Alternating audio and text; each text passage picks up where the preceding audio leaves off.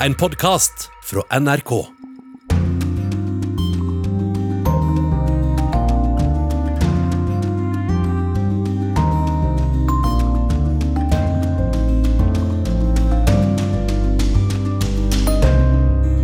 Bli med til Angola. Angolas unge befolkning kan sørge for et aldri så lite jordskjelvvalg den kommende uken. En russisk rockestjerne taler Putin midt imot. Fedrelandet, rådina, det er ikke presidentens ræv som man må slikke og kysse hele tiden. Sissel Wold tar deg med til sin favorittby. Du kjører over broen som deler denne byen i to. Og når du ser til øst, så ser du at sjøen er helt blå under deg. Og når du ser til vest, hvis solen skinner, så er sjøen helt sølvfarget. Jan Espen Kruse postlegger sitt aller siste korrespondentbrev fra Moskva. Det er tid for å snakke om følelser. Det gjelder tross alt et forhold som har vart i 49 år. Riktignok litt av og på, men likevel. Og nå ser det ut til at den ene parten ikke vil lenger. Velkommen til Urix på lørdag. Jeg heter Anja Strøne. Men først i sendingen så går vi til Tyrkia, for siden 2011 så er Tyrkia det landet som har tatt imot flest flyktninger, over fire millioner. Og det har blitt krevende for både tyrkerne og ikke minst de som faktisk har flyktet fra krig, nød og annen elendighet. Og korrespondent Åse Marit Befring, du er med oss fra gatene i Istanbul. Hvordan preges byen og landet av alle flyktningene og migrantene? Det er veldig synlig i bybildet her i Istanbul, som har den største syriske befolkningen med rundt en halv million mennesker. Men ikke minst øst i landet, der de utgjør flertallet i enkelte byer. Over fire millioner flyktninger og migranter er et enormt tall, og knapt noen, bare 2% bor i flyktningleire. og siden 2011 så er det født noe slik som 700 000 syriske barn her i Tyrkia. Så her i byen så ser man mange som tigger, de sover på gata, barn selger vann. Det er plakater i butikkvinduer på arabisk der veldig mange av de bor. Men noe av det første som jeg la merke til da jeg kom hit, var alle mennene som trekker svære sekker etter seg som de fyller med papp og plastikk, for så å selge det. Så det er en jobb som særlig afghanske migranter tar. Men de tar også andre jobber da for luselønn. Men, men det er altså veldig mange her som, som lever under veldig vanskelige og fattigslige kår. EU bruker jo milliarder av kroner der hvert år. Hva er deres rolle her? Altså under flyktningkrisen i 2015, da husker vi at det gikk eh, tusener på tusener, så mange som én million, sier man, eh, dro til Europa. Eh, og da inngikk EU etter hvert en avtale med Tyrkia eh, om eh, mer grensekontroll mot at Tyrkia skulle få penger og bistand. Og da gikk EU tungt inn, og har siden drevet det største humanitære hjelpeprogrammet i EUs historie, nettopp her i Tyrkia. Og blant annet så deler de ut kontanter akkurat nå til 1,5 millioner syrere hver eneste måned. De får penger på et eget kredittkort som de kan bruke til å kjøpe mat og klær i vanlige butikker. Og så driver også EU ulike hjelpesentraler, helsetilbud. De driver juridisk rådgivning og, og samarbeider også tett da med tyrkiske myndigheter. Men mange tyrkere sliter også nå med den skyhøye inflasjonen. Og oppfatningen veldig mange vanlige folk har, er at syrere får en særbehandling. Og det har ført til masse hets i sosiale medier, voldshendelser og, og veldig mye skittkasting. Og hva gjør myndighetene med det, da? Nei, altså, President Erdogan sa senest i mai at han vil returnere én million syrere til de områdene, spesielt da til de områdene nordøst i Syria som Tyrkia kontrollerer. Men det har han jo siden trukket tilbake. Men de, det bygges altså boligblokker der. Problemet er at det, det vil ikke løse noe for flyktningene. Så lenge det ikke finnes jobber der, så vil de fortsatt være avhengig av nødhjelp for å overleve. Så, og en undersøkelse som NGO har, en, flere NGO-er for så vidt har gjort, viser at flertallet av de som er her, de ønsker å reise til Hellas og Europa. Og så er situasjonen en helt annen nå enn i 2015, for nå møtes de av grensegjerder og soldater i Bulgaria og en veldig hard linje i Hellas. Men Erdogan han omtalte dem som gjester da de kom, men nå er de altså ikke like velkomne lenger. Baristaen gjør klar en espresso, for tyrkere må ha sin kaffe selv om de har fått dårligere råd. Mange som ham mener én viktig grunn til at de har fått det vanskeligere, er alle flyktningene og migrantene som er i landet. De er avskyelige, sier 25 år gamle Anil Kosha. Han sier at han må konkurrere om jobben med syrere som er villige til å jobbe for langt lavere lønn. Også husleie er blitt dyrere, forteller han. De kan betale mer fordi de gjerne bor flere i en liten leilighet. Samtidig presser de lønna mi nedover, sier han. Ikke langt unna sitter en mor som flyktet fra borgerkrigen i Syria for sju år siden. Men nå er hun redd, også her. Hun har advart barna mot å snakke arabisk når de tar bussen. Ofte får de skjellsord slengt etter seg.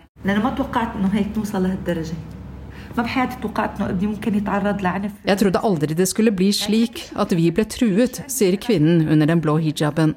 Bak en ansiktsmaske forteller hun at hun hver dag følger sønnen til skolen fordi han blir utsatt for sjikane. En gang ventet hun med yngstemann i parken. På vei ut av skolen gikk tre andre elever løs på ham. Jeg skrek, og de ropte arabiske skjellsord tilbake. En av dem dyttet meg i ryggen, forteller hun.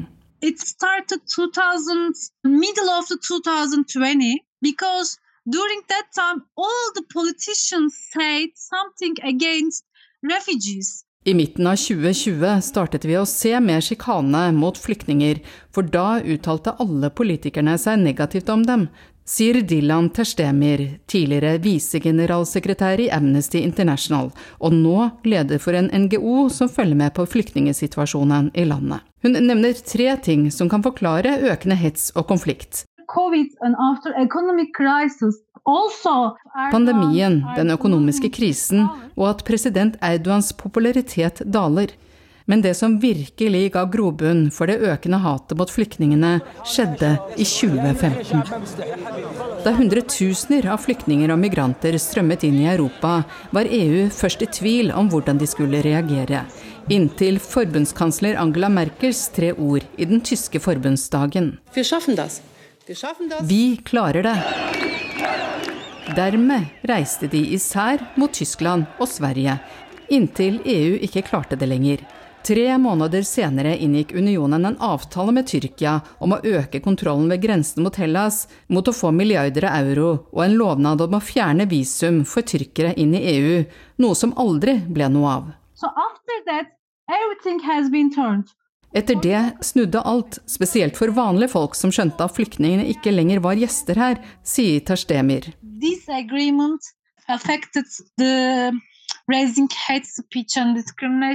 Og mener det er en viktig grunn for situasjonen de er i nå. I dag er det over 3,7 millioner syrere i Tyrkia. Ingen andre land har større flyktningbefolkning. Noe som også den joviale selgeren av det tyrkiske brødet Simit reagerer på. EU betaler kanskje penger til Tyrkia, men de bør også ta mer ansvar.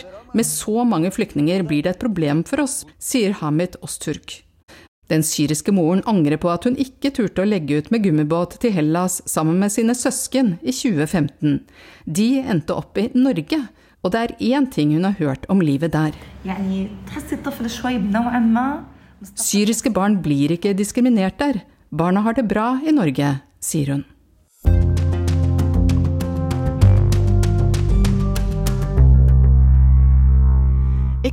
Eksperter mener nordmenn ikke behøver å bekymre seg over situasjonen ved det ukrainske kjernekraftverket i Zaporizjzja. Selv dersom de blir skadet i en krigshandling, vil det ikke føre til at nordmenns liv og helse er i fare. Men ekspertene mener at den unike situasjonen som har oppstått, må føre til en annen tankegang rundt kjernekraft. Onsdag denne uken Ukrainske soldater og redningspersonell øver på å vaske vekk radioaktive stoffer fra klær og utstyr. Øvelsen skjer i byen atomkraftverket har fått navnet sitt fra. Frontlinjen er bare noen kilometer unna.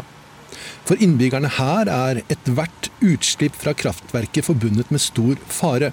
For oss i Norge er det egentlig ikke noe som vi vil merke noe særlig til. Det opplyser seksjonssjef ved Direktoratet for strålevern og atomsikkerhet, Ingar Amundsen. Det som våre beregninger eh, viser, er at eh, hvis vi får et et stort eller et worst case tilfelle med radioaktivt nedfall eh, hos oss, eh, så ser vi ikke bort ifra at det kan kunne bli eh, tiltak i deler av næringsmiddelproduksjonen. Eh, men vi ser ikke for oss at det vil bli aktuelt med, med noe jodtabletter eller innendørsopphold eller, eller sånne ting. Nyhetsbyrået AFP var ved anlegget i mai. Her var de under oppsyn av russiske soldater. Det betyr at de sannsynligvis ikke kunne filme fritt, men de filmet utsiden av flere reaktorer. Dette er et relativt moderne anlegg. Det er seks reaktorer, de er såkalte trykkvannsreaktorer. Det betyr mye for den innebygde sikkerheten. For dersom kjølevannet forsvinner, slik det gjorde i Fukushima, så vil reaktorene slå seg av av seg selv. Uten kjølevann vil reaktorene smelte, men mest sannsynlig uten å sende ut radioaktivitet, slik som det skjedde i Japan. Det forklarer Ole Reistad ved Institutt for energiteknikk. Dette er i utgangspunktet en reaktor med en bedre inneslutning, dvs. Si den kappen som er utenpå reaktoren, eh, enn det var i Fukushima. Og Det gjelder også spesielt det brukte brenselet, som her skal være bedre sikret enn det var i Fukushima. Det er krigshandlingene som bekymrer ekspertene, for selv om anlegget har innebygget sikkerhet, så kan en stridshandling, villet eller ikke, bryte ned alt. Dette er en ny situasjon, sier Amundsen ved direktoratet. Det, sånn skal det ikke være. Eh, og det er ingen tvil om at eh, kjernekraftverk og militære operasjoner har ingenting sammen med hverandre å gjøre. Men det som også er, eh, vil være veldig viktig, det er det at fremover nå så vil det bli mye fokus internasjonalt på sikkerheten ved, ved, kjernekraftverk, ved å ta høyde for en del elementer som man tidligere ikke hadde tenkt på, tenkt på i det hele tatt, sånn som krigshandlinger. Ja, hvordan kan man eh, sikre et atomkraftverk mot krigshandlinger hvis det er et krig i et land med atomkraft?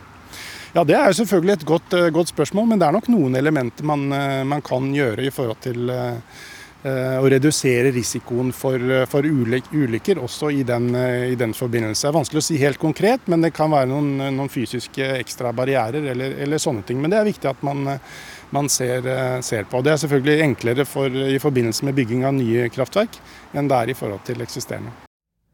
Det fortalte Halvard Sandberg i denne reportasjen. Og korrespondent Roger Severin Bruland, du er med oss fra Odessa i Ukraina. I går kveld så ble det klart at Vladimir Putin godtar at atominspektører reiser til Zaporizjzja, da fra ukrainsk side også. Og hva sier folk til deg om situasjonen med hensyn til sikkerheten rundt atomkraftverk?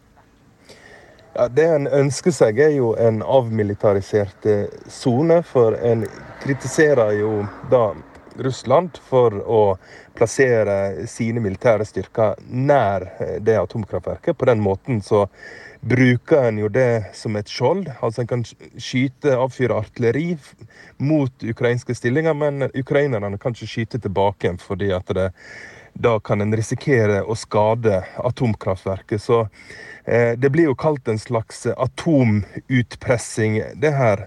Og eh, det er klart at eh, det gjør folk eh, urolige. Og Russland har jo kategorisk avvist at de vil gå med på å gjøre det her til en avmilitarisert sone som kanskje er under internasjonal kontroll. Men det er jo iallfall gode nyheter at en får inn inspektører som kan komme med uhilda opplysninger om hvordan situasjonen er på selve kraftverket. For Eh, det har jo eh, kommet ut eh, altså rapporter om at folk som arbeider der, som er ukrainere under okkupasjon, blir behandla ganske dårlig. De blir så å si fotfølgt på do. Og det er mange eksperter som sier at det er veldig viktig at staben som jobber på et atomkraftverk, at de har det bra, slik at de kan få gjøre jobben sin. Mm. Hvor viktig er det da for Ukraina at de inspektørene får slippe til? Ja, det er jo viktig for Ukraina og det er jo viktig for, for verden òg. Slik at en uh, får inn inspektører, slik at uh, en kan uh, i alle fall fange opp hvis det skulle være en kritisk situasjon, slik at en i alle fall kunne få slå alarm, slik en har mulighet til å, til å rette opp ting som ikke er sånn som de, de skal være. Mm. Roger, midt oppi krig og fare rundt atomkraftverket, så finnes det heldigvis noe håp. Du har fulgt godt med på disse skipene med korn som denne uken har forlatt Ukraina. Og viktig er det både for, for bøndene i Ukraina og de som mottar kornet? Ja, det er jo viktig for eh, bøndene. Det er jo viktig for eh, de fattigste i verden, som, eh, som trenger mat. Problemet er jo det at det er altfor lite. Det går for sakte. I går var jo FNs generalsekretær på besøk i Odessa. Han inspiserte det andre humanitære skipet som Verdens matprogram har bestilt. Altså, det har gått ett skip, og så venter et skip til pågår. Altså det er to skip. Eh, men en snakker jo om at en kanskje trenger 300-400-500 skip for å kunne skipe ut eh, det kornet som er på lager her i Ukraina nå, og for å forsyne da eh, verdens befolkning med korn, for at den eh, globale kornprisen kan eh, være såpass akseptabel at også de fattigste i verden har eh, råd til det her. Så klart det er viktig. Og jeg snakka med hun som er prosjektleder i FN, Guterres høyre hånd, på akkurat det her, og hun sier det at det er ingen andre muligheter enn å skipe det her ut gjennom Svartehavet. For det er ikke kapasitet på jernbane, det er ikke kapasitet på europeiske havner, så det er helt urealistisk. Så det må ut gjennom Svartehavet, og vi har ingen valg. Det er ingen plan B. Det her må fungere, men det går dessverre svært, svært sakte. Takk skal du ha med oss fra Odessa, Roger Severin Bruland.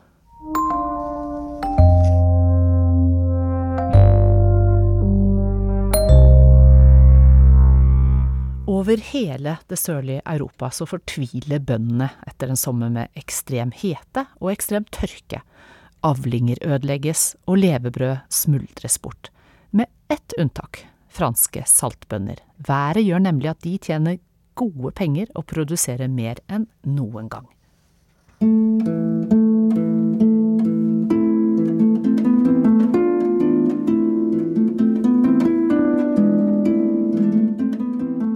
Sola steker, det er knapt et vindpust i lufta, og det har ikke kommet en dråpe regn på mer enn en måned. Euh, les paludiers sont fatigués euh, parce que là on a enchaîné, euh, je crois ça fait, ça fait plus de 40 jours qu'il n'a pas plu sur les marais suffisamment pour faire une pause. Vi er slitne, jeg tror vi har jobba 40 dager nå uten pause. Så lenge det ikke kommer noe nedbør får vi heller ingen pause, sier Audrey Loyer. Hun er saltarbeider i Gerandé på den franske atlanterhavskysten.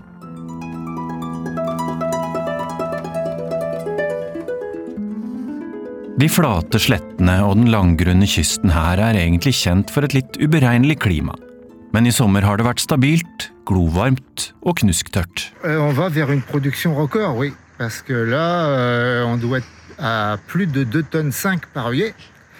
Alors que la moyenne sur une décennie, ça doit être une tonne 3. Det går mot rekordproduksjon, nesten dobbelt så mye som vanlig, forteller saltbonde Francois Durand. Han har jobba på saltmarkene i over 20 år. Havsalt lages ved at man tørker ut saltvann i grunne bassenger i sola, sånn at vannet fordamper og saltet blir igjen. Og da er hete og tørke plutselig en suksessoppskrift. Noen har fylt kvotene sine allerede og er ferdig for sesongen.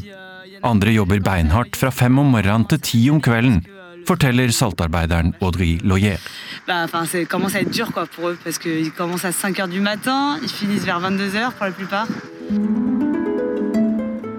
Og det er noe av det aller fineste og dyreste saltet i verden som lages akkurat her vest i Frankrike.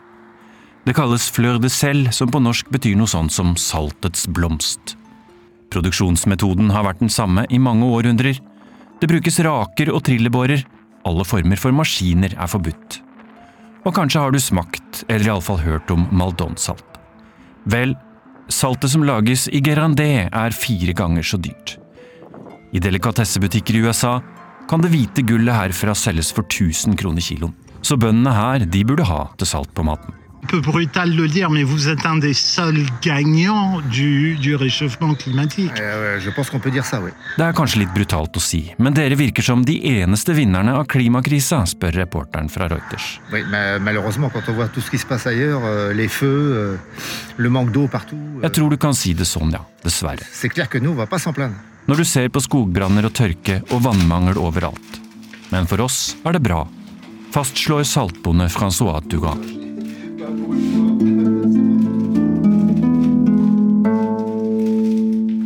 Det fortalte reporter Tore Moland. Og vi skal til et av landene i verden med kraftigst befolkningsvekst, nemlig Angola i Sørvest-Afrika. Og nå kan Angolas unge befolkning sørge for et aldri så lite jordskjelvvalg den kommende uken. For i Angola har det nå vokst fram en generasjon som har et helt annet syn på landets regjeringsparti enn det foreldrene har.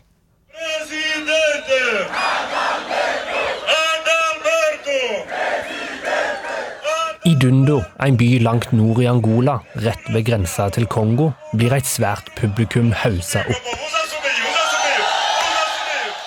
De skal ta imot presidentkandidat Adalberto Costa Junior, som besøker byen i valgkampen sin. Costa Junior er utfordreren med vind i segla. Mannen som skal forsøke å få regjeringspartiet MPLA og president Joao Lorenzo ned for trona. Angola er et land i trøbbel. Korrupsjon har vært et problem lenge, og nå har en feilslått reform, en ødeleggende pandemi og til tider ganske lave oljepriser vært med på å gjøre Angolas økonomi ganske mye verre enn den var. Det fører til jobbmangel i et av landene i verden med yngst befolkning. Veldig mange av unge mennesker i dette landet ser liten framtid. På tross av at dette er Afrikas kanskje rikeste land, både fra naturens side og gjennom de enorme oljeinntektene landet har hatt. Det sier Vegard By, forsker ved Christian Michelsens institutt og ekspert på Angola. Han er nå i Angola for å observere hvalet. Naturressursene han snakker om er mellom annet diamanter og olje.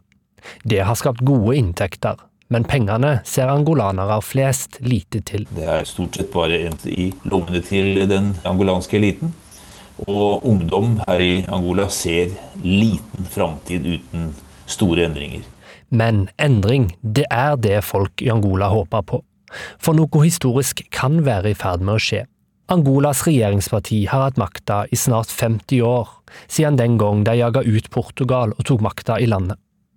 Den klarte de å holde på, også etter at det brøt ut borgerkrig mellom MPLA og erkefienden Unita. Godt voksne angolanere husker den tida da folk fikk militærtrening. Og de husker at militærøvingene enda etter hvert med langvarige kamper som prega nyhetene fra landet i mange år. I Angola har opprørsbevegelsen Unita rykket fram mot flere byer. Nærmere 2000 mennesker er drept hittil i kampene. I Angola har opprørsrørsla Unita tatt tolv politimenn som gisler etter at ei bombe i Det var den gang. Nå er det 20 år siden freden kom til Angola. Og MPLA kan ikke lenger skylde på at krigen er årsaken til at fattigdom eksisterer i landet. Stadig flere mener det er MPLA sjølve og korrupsjonen som de står bak, som er problemet.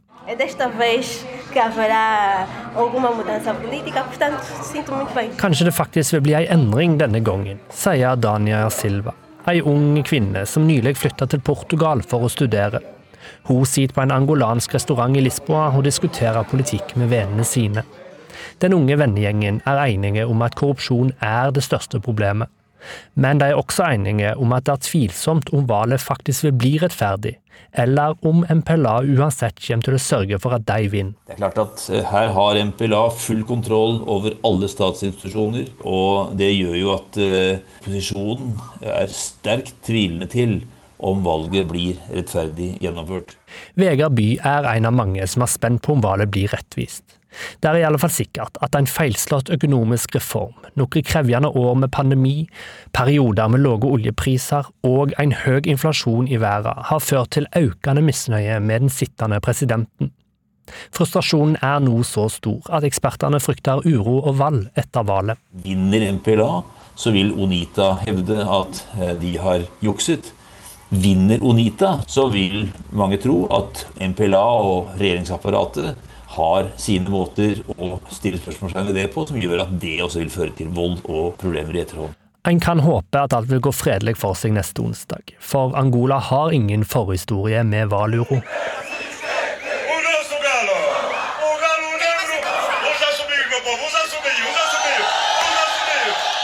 Så er det jo også et annet spørsmål som mange stiller seg. Hvor sikre kan han egentlig være på at Angolas korrupsjonsproblem blir borte om Unita og Adalberto Costa Junior overrasker og vinner makta i Angola? Det spørsmålet er det foreløpig ingen svar på. Og valget i Angola er altså til onsdag kommende uke. Det var Vegard Kjørom som fortalte om det kommende valget.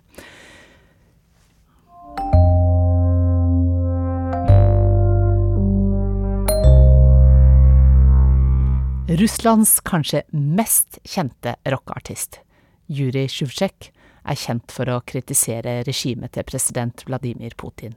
Eksempel at eh, fedrelandet ikke er presidentens bak, som han må smiske og slikke til enhver pris. Hans klare tale resulterte i at han denne uka ble idømt en bot på 7500 kroner for å ha diskreditert Russlands væpnede styrker. Kollega Morten Jentoft har sett nærmere på dette 65 år gamle russiske rockefenomenet.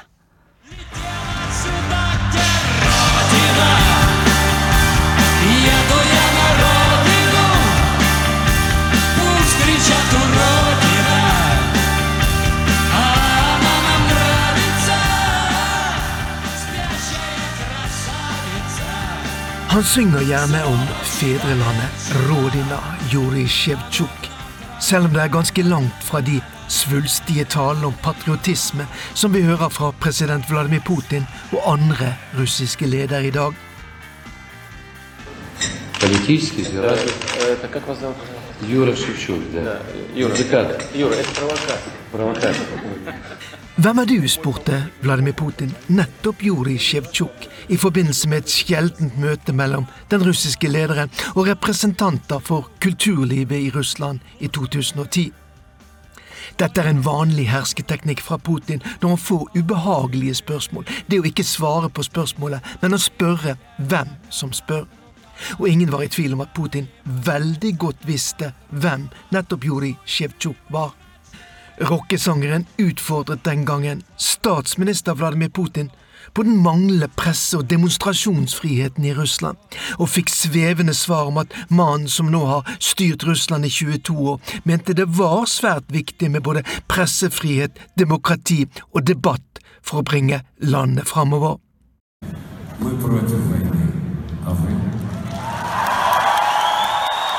Tolv år seinere er situasjonen en helt annen. Hvorfor kriger vi og dreper folk i Ukraina, sa Jurij Sjevtsjuk på scenen i millionbyen Ufa, byen han selv har vokst opp i og betrakter som sin. Родина, друзья, это не жопа президента, который надо все время мусолить, целовать. Родина – это бабушка нищая на вокзале, продающая картошку. Fedrelandet, Rodina, det er ikke presidentens ræv som man må slikke og kysse hele tiden. Fedrelandet, det er en fattig kone som selger sine poteter på stasjonen, sa Jurij Sjevtsjuk under konserten i mai. Vel vitende om at russiske myndigheter akkurat da hadde vedtatt en lov som gjør det ulovlig å kritisere den russiske hæren og krigen i Ukraina. Сорвало финал с петель Да поела все тепло Москва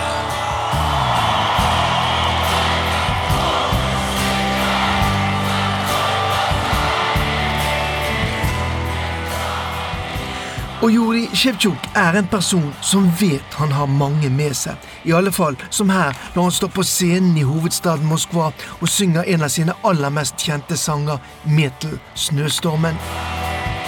Sammen med sin gruppe DDT har han helt siden begynnelsen av 1990-tallet vært en frontfigur i det russiske musikklivet.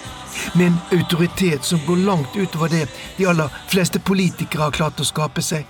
Kanskje med unntak av nettopp Vladimir Putin. Sjevtsjuk har samtidig alltid hatt en forkjærlighet for den vanlige russiske soldat, og opptrådte bl.a.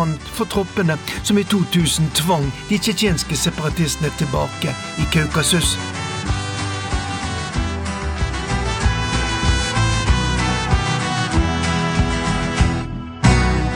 О смерти скажет нам пару честных слов? Жаль нет черных ящиков, упавших моряков. Карандаш ломается, холодно, темно. Капитан Колесников пишет нам письмо. Карандаш ломается, холодно, темно. Капитан Колесников пишет нам письмо.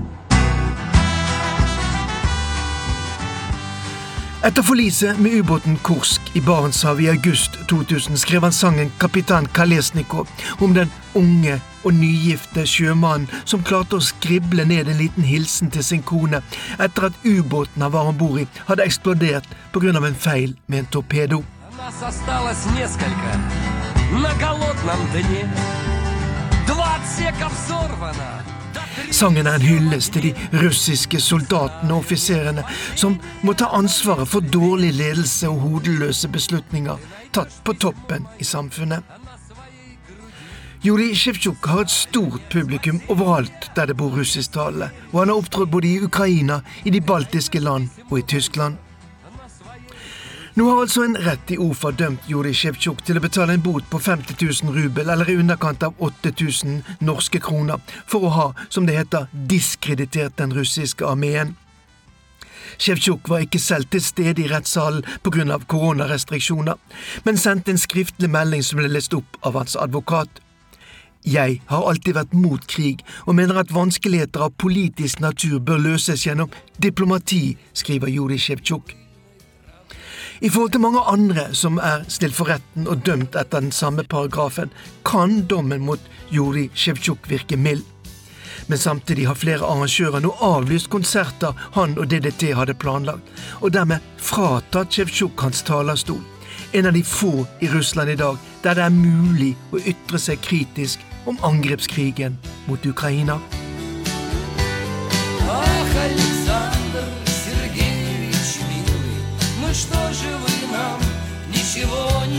не сказали о том, как держали, искали, любили? Rockeartisten Jurij Sjevtsjuk avsluttet her.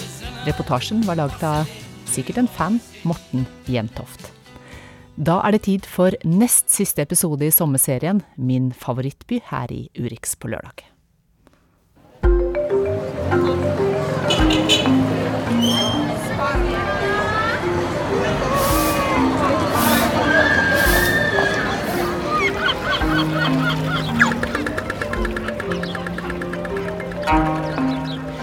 Du kjører over broen som deler denne byen i to.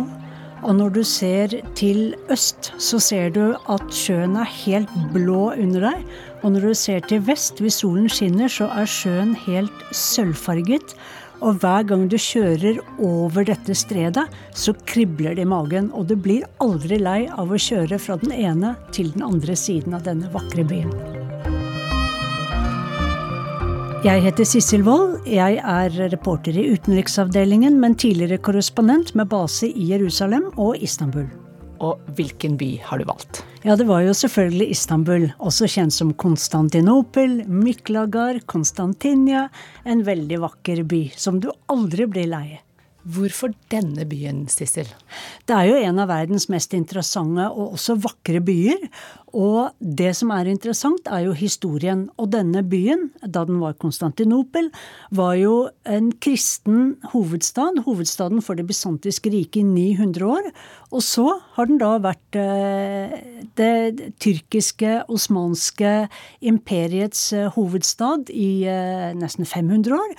Og senere da Tyrkias viktigste by finansielle hovedstad. Men du ser så godt alle disse periodene, fordi at uh, Tyrkia har uh, tatt godt vare på alle de gamle bygningene, og ingenting er blitt uh, ødelagt egentlig under kriger, så det er veldig mye spennende historiske bygg å se her. Men Sissel Wold, hvordan oppdaget du denne byen? Jeg fløy over den veldig mange ganger, fordi Istanbul er jo også et sted hvor du bytter fly. Og så så jeg alle minaretene, og jeg så dette vakre Bosporostredet og Prinseøyene, og tenkte at en dag så må jeg jo stoppe her og bli litt kjent med byen. Men jeg kjente den først ovenifra. Hva var ditt første møte med Istanbul? Da var jeg korrespondent i Jerusalem og hadde ansvar for Tyrkia, og jeg kunne ikke så veldig mye om Tyrkia da, men tenkte at jeg må jo ta meg en tur og liksom, se hva som rører seg her. Og da skulle jeg lage en sak om Tyrkias vanskelige forhold til det armenske folkemordet. Og jeg husker da vi skulle til en intervjuavtale, så tok vi fergen langs Bosporosstredet, og det syns jeg var veldig eksotisk. Men da syns jeg byen var så overveldende svær at jeg fikk liksom ikke noe følelse av eh, eller oversikt over byen, for det bor jo nesten 20 millioner mennesker der. Hva er det som trekker deg til Istanbul? Jeg er jo veldig glad i historie. Også, det er både sjø der, så det er alltid veldig god temperatur. Det er alltid en liten bris fra sjøen. Og så oppdager du alltid noe nytt. Og de fem og et halvt årene jeg bodde i Istanbul, så tror jeg at jeg har besøkt veldig, veldig mange museer og spisesteder og liksom andre interessante plasser. Men det er alltid noe nytt å oppdage. For det er så mange små gater og smug og stred eh, langs Istiklal, da hovedgaten i Istanbul. Og du oppdager også alltid noe helt nytt som du tenkte hvorfor i all verden har jeg ikke visst om dette før. Har du et favorittsted? Det er haremet i Topkapi-palasset.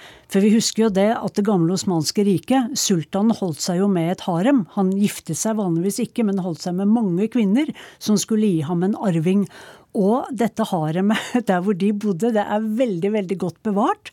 Og der kan du gå Den gylne vei, som den het, der hvor konkubinene gikk når de skulle inn til sultanens eh, soverom, for å prøve da å gi han en, eh, en arving. Og det er jo så godt bevart. Det er lett å leve seg tilbake i denne tiden. Og bare for å si det med en gang, denne haremsdelen, altså der hvor kvinnene bodde, det var også et maktsentrum i det gamle osmanske riket. For disse kvinnene var ikke bare sexslaver, de drev også med intriger, maktkamp. De var absolutt en del av eh, styre og stell. Men det er et veldig spennende sted å besøke. Estambul de siete montes, mos mira de sus arboles, la historia y sus flores. Hva er det vi hører her? Det er noe veldig spennende, for det er en kjærlighetserklæring til Istanbul på ladino. Og dette språket er et spansk-jødisk språk som eh, den jødiske minoriteten tok med seg da de ble kastet ut av Spania i 1492. Så ble de ønsket velkommen av sultanen da, i det osmanske riket, fordi at han så på de jødiske innvandrerne som en eh, ressurs og en styrke. Og jeg oppdaget jo, da jeg bodde der, at etter 500 år i Istanbul, så bevarer de fremdeles dette spansk-jødiske språket ladino. Og det syns jeg var veldig spennende. Er det noe sted man kan gå og høre dette språket, eller er det konsert? Konserter. Ja, det var eh, Karen Sharon som sang. Hun har et band da, som heter Los Pacharos Sefardis. Eh, sefardiske fugler. Eh, de har pleid å gi konserter, men det tok slutt under eh, koronatiden. For jeg hadde jo veldig lyst til å gå og høre dem. Men eh, ikke nå. Men grunnen til at jeg ville at vi skulle høre litt på dette, er også for å tenke på alle de rike minoritetene som har bodd i Istanbul. Grekere, armenere, jøder, og som man nå ikke ser noe særlig til. Fordi at eh, da Tyrkia ble en republikk i 1923, så var det en voldsomt nasjonalistisk politikk. Og da ble det mindre og mindre plass til andre minoriteter, til ikke-muslimske minoriteter. Og under president Erdogan også, så tror jeg da spesielt jødene, men også de kristne, har følt at det er mindre og mindre plass til dem, fordi Erdogan eh, er jo veldig opptatt av at uh, Tyrkia skal bli mer og mer uh, konservativt og muslimsk. For en som kommer på besøk i Istanbul, da, som ikke har vært der før, hvordan vil byen da fremstå, tenker du? Veldig bråkete. veldig overbefolket. Uh, og veldig forvirrende. Og litt frustrerende, fordi at det er jo nesten ingen tyrkere, må jeg dessverre si, som snakker engelsk. Det er veldig liten engelskkunnskap i Istanbul, og det er jo veldig merkelig, siden dette er en av de store turistattraksjonene i verden. Så det er nok frustrerende. Men man må også se at her er det veldig god infrastruktur når det gjelder ferger, busser, metro, trikker. Det fungerer veldig bra. Og da trenger man noe som heter Istanbul-kart. Da kan man bruke alle disse eh, transportmidlene veldig billig. Men er det noe med denne byen som ikke fungerer? Ja, eh, det er nettopp det at det er så mye folk. Og hvis du skal på noen av disse store turiststedene som det gamle Dolmabache-palasset eller Topkapi eller Aya Sofia, som er verdens eldste kirkebygg, men som nå er gjort om til moské igjen, så må du stå i veldig lang kø. Så tipset er jo å stå opp tidlig om morgenen. Vær A-menneske, så slipper du disse evinnelige køene. Jeg er jo så heldig at jeg har fått lov til å besøke deg i Istanbul. Og var det én ting som jeg virkelig satte pris på, så var det et spesielt sted som vi gikk, og da spilte de denne musikken.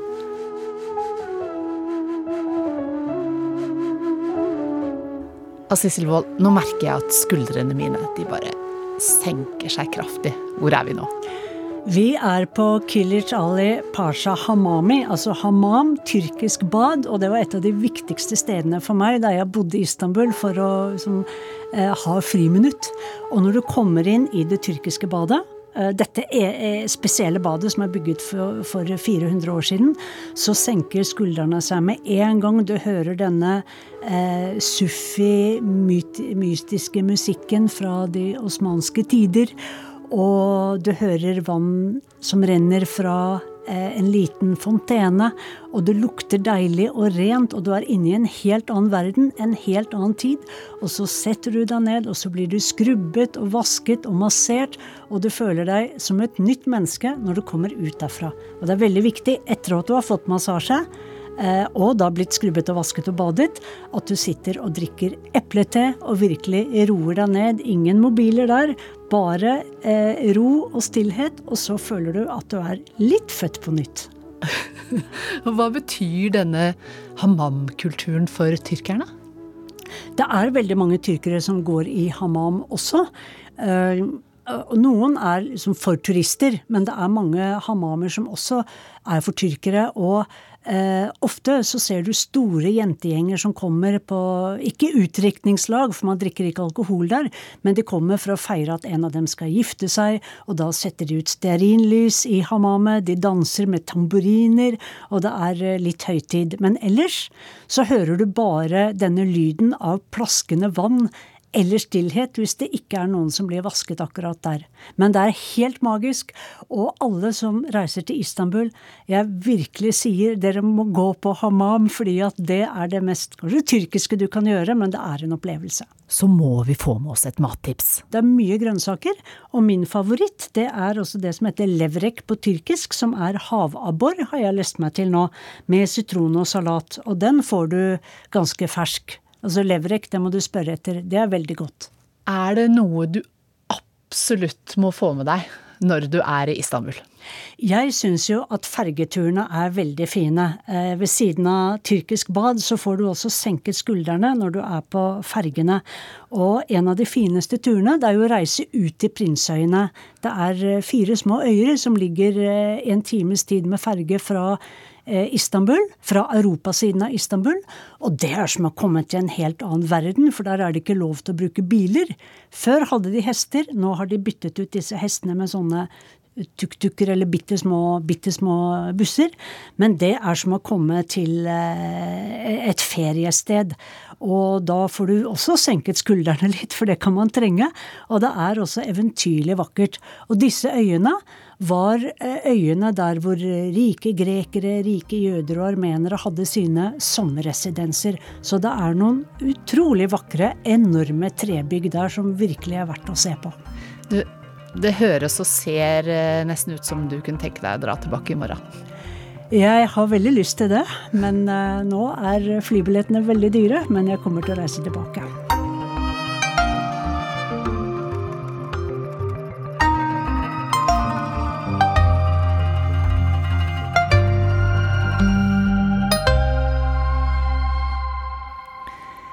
Etter fire år som NRKs korrespondent i Russland pakker Jan Espen Kruse nå ned sine saker og forbereder hjemreisen.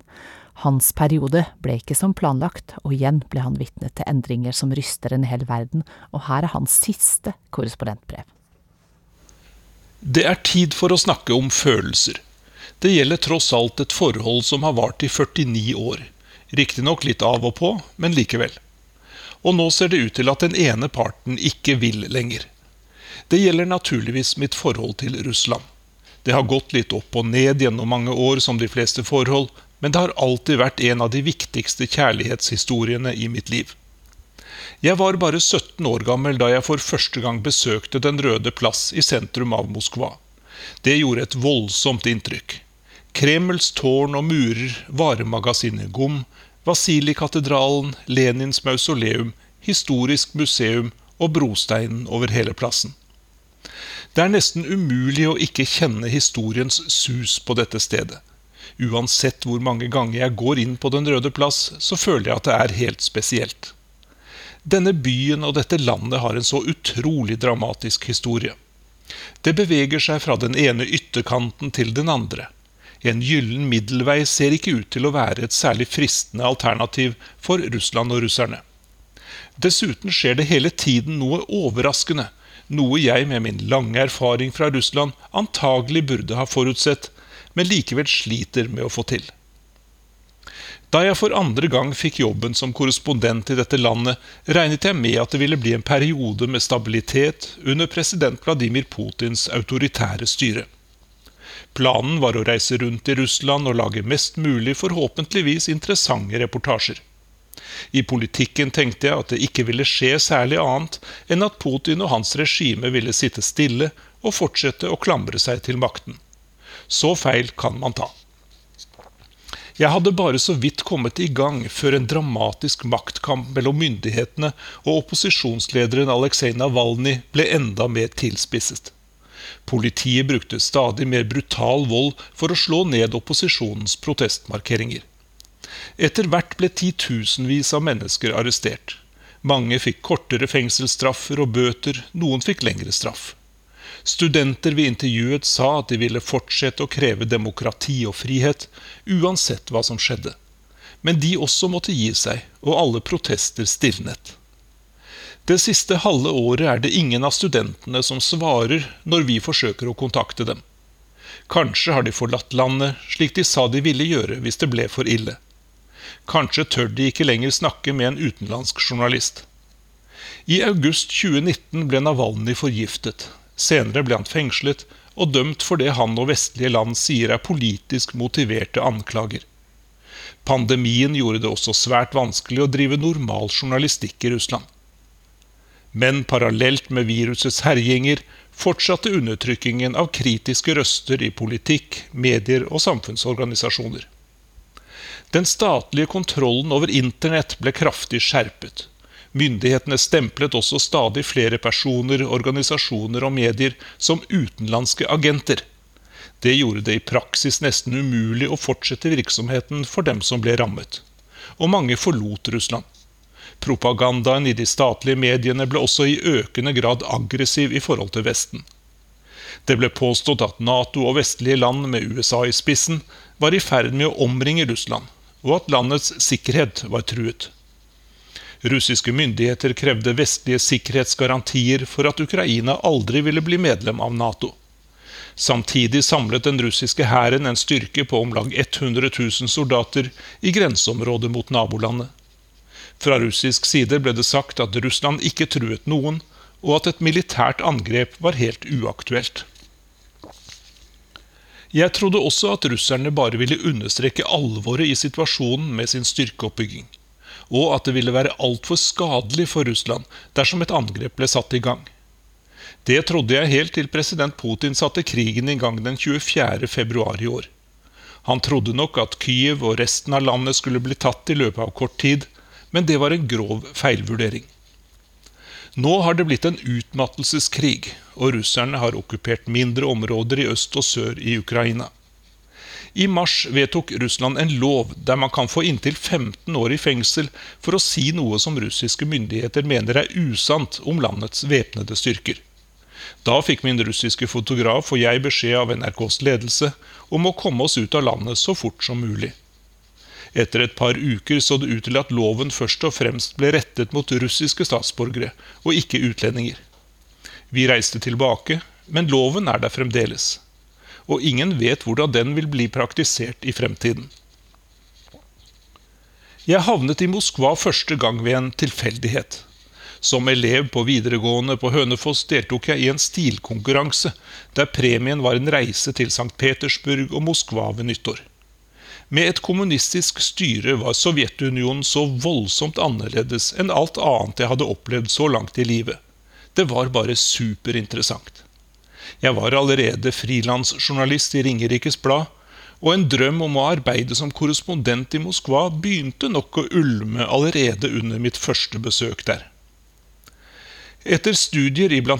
russisk fikk jeg jobb i NRK, og i 1991 ble jeg Moskva-korrespondent for første gang.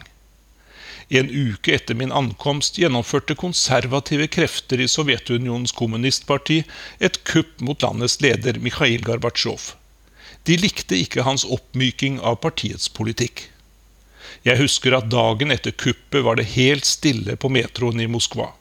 De siste årene hadde Gorbatsjovs reformer ført til livlig politisk diskusjon blant russerne.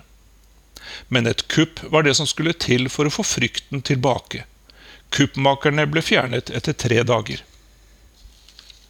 Ved nyttår 1991 gikk Sovjetunionen i oppløsning, og de neste årene i Russland ble preget av kamp mellom liberale og konservative krefter. Overgangen fra en fullstendig statsstyrt kommunistisk økonomi til en slags kapitalisme var smertefull og preget av kriminalitet. De som stjal mest, ble rikest, noen ble oligarker, altså superrike. Tilnærmingen mellom Russland og Vesten var sterk. Noen snakket til og med om at Russland en gang kunne bli medlem av Nato. Ved årtusenskiftet ga Boris Jeltsin seg som russisk leder, og inn kom den temmelig ukjente Vladimir Putin. Han sto for en mye hardere form for styring. Han slo ned på utfordrere i politikken og stilte tøffere krav på vegne av Russland overfor vestlige land. Men det store vendepunktet kom i 2014, da russiske styrker okkuperte Krimhalvøya, som da tilhørte Ukraina. Etter kort tid ble Krim annektert, altså gjort til en del av Russland. Vesten begynte å innføre straffetiltak mot Russland, og forholdet mellom øst og vest ble gradvis vanskeligere. Og i februar i år gikk altså Russland til krig mot Ukraina. Det forandret det aller meste i mitt forhold til Russland og russerne. Jeg har alltid beundret russernes nysgjerrighet, deres interesse for eget og andre land, og deres forkjærlighet for den gode samtalen. På mine reiser rundt om i landet har jeg mange ganger fått høre følgende er du fra Norge? Så spennende. Kan vi ikke slå av en prat? Det er så mye jeg gjerne skulle spørre deg om. Nå er det bare noen ytterst få av mine bekjente som tør å føre en meningsfull samtale med en utlending som meg. Når vi spør vanlige russere om et intervju, sier de fleste at de ikke vil. De er redde for å få problemer på jobben, unge mennesker frykter at de kan miste studieplassen hvis de sier noe myndighetene ikke liker. Flere russiske eksperter som vi har vært i kontakt med tidligere, sier at de ikke lenger snakker med vestlige journalister. De viser til at russiske myndigheter følger med, og de vil ikke ta noen sjanser. Opp gjennom historien har den russiske befolkningen gjentatte ganger opplevd perioder med brutalitet, enten i forbindelse med krig eller som et resultat av intern politikk. Et eksempel er terrorstyret som Stalin-regimet sto for på 1930-tallet, da millioner av russere ble drept og ufattelig mange ble sendt i fangeleirer. Kanskje er mange russere nå igjen redde for hva fremtiden vil bringe. På meg virker det i hvert fall som om frykten har overtatt i det Russland jeg kjente. De siste årene har det også blitt veldig mye vanskeligere å drive journalistikk her i Russland.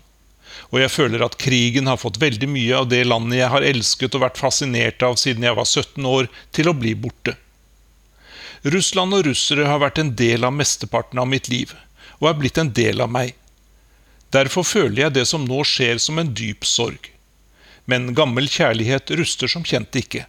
Forholdet er satt på en alvorlig prøve, men jeg våger å håpe at dette ikke skal bli siste gang jeg er i Russland. Det ser ikke så lyst ut akkurat nå, men jeg og mange med meg har tatt feil før om dette gåtefulle landet.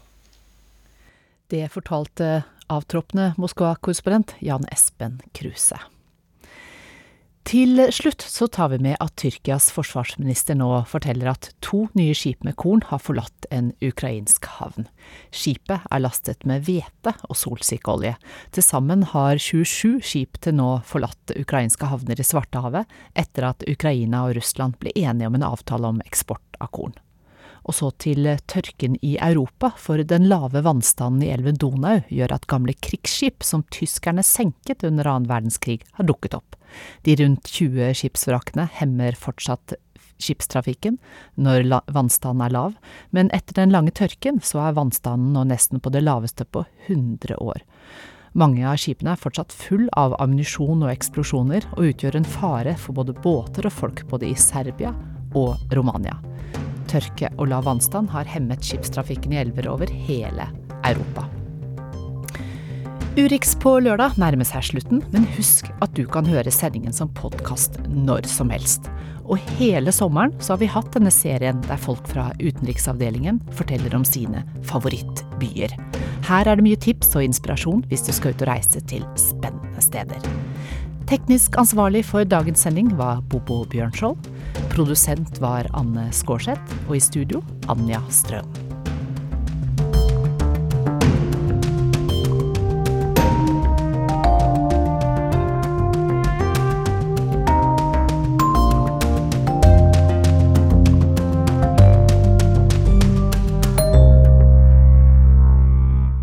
Du har hørt en podkast fra NRK.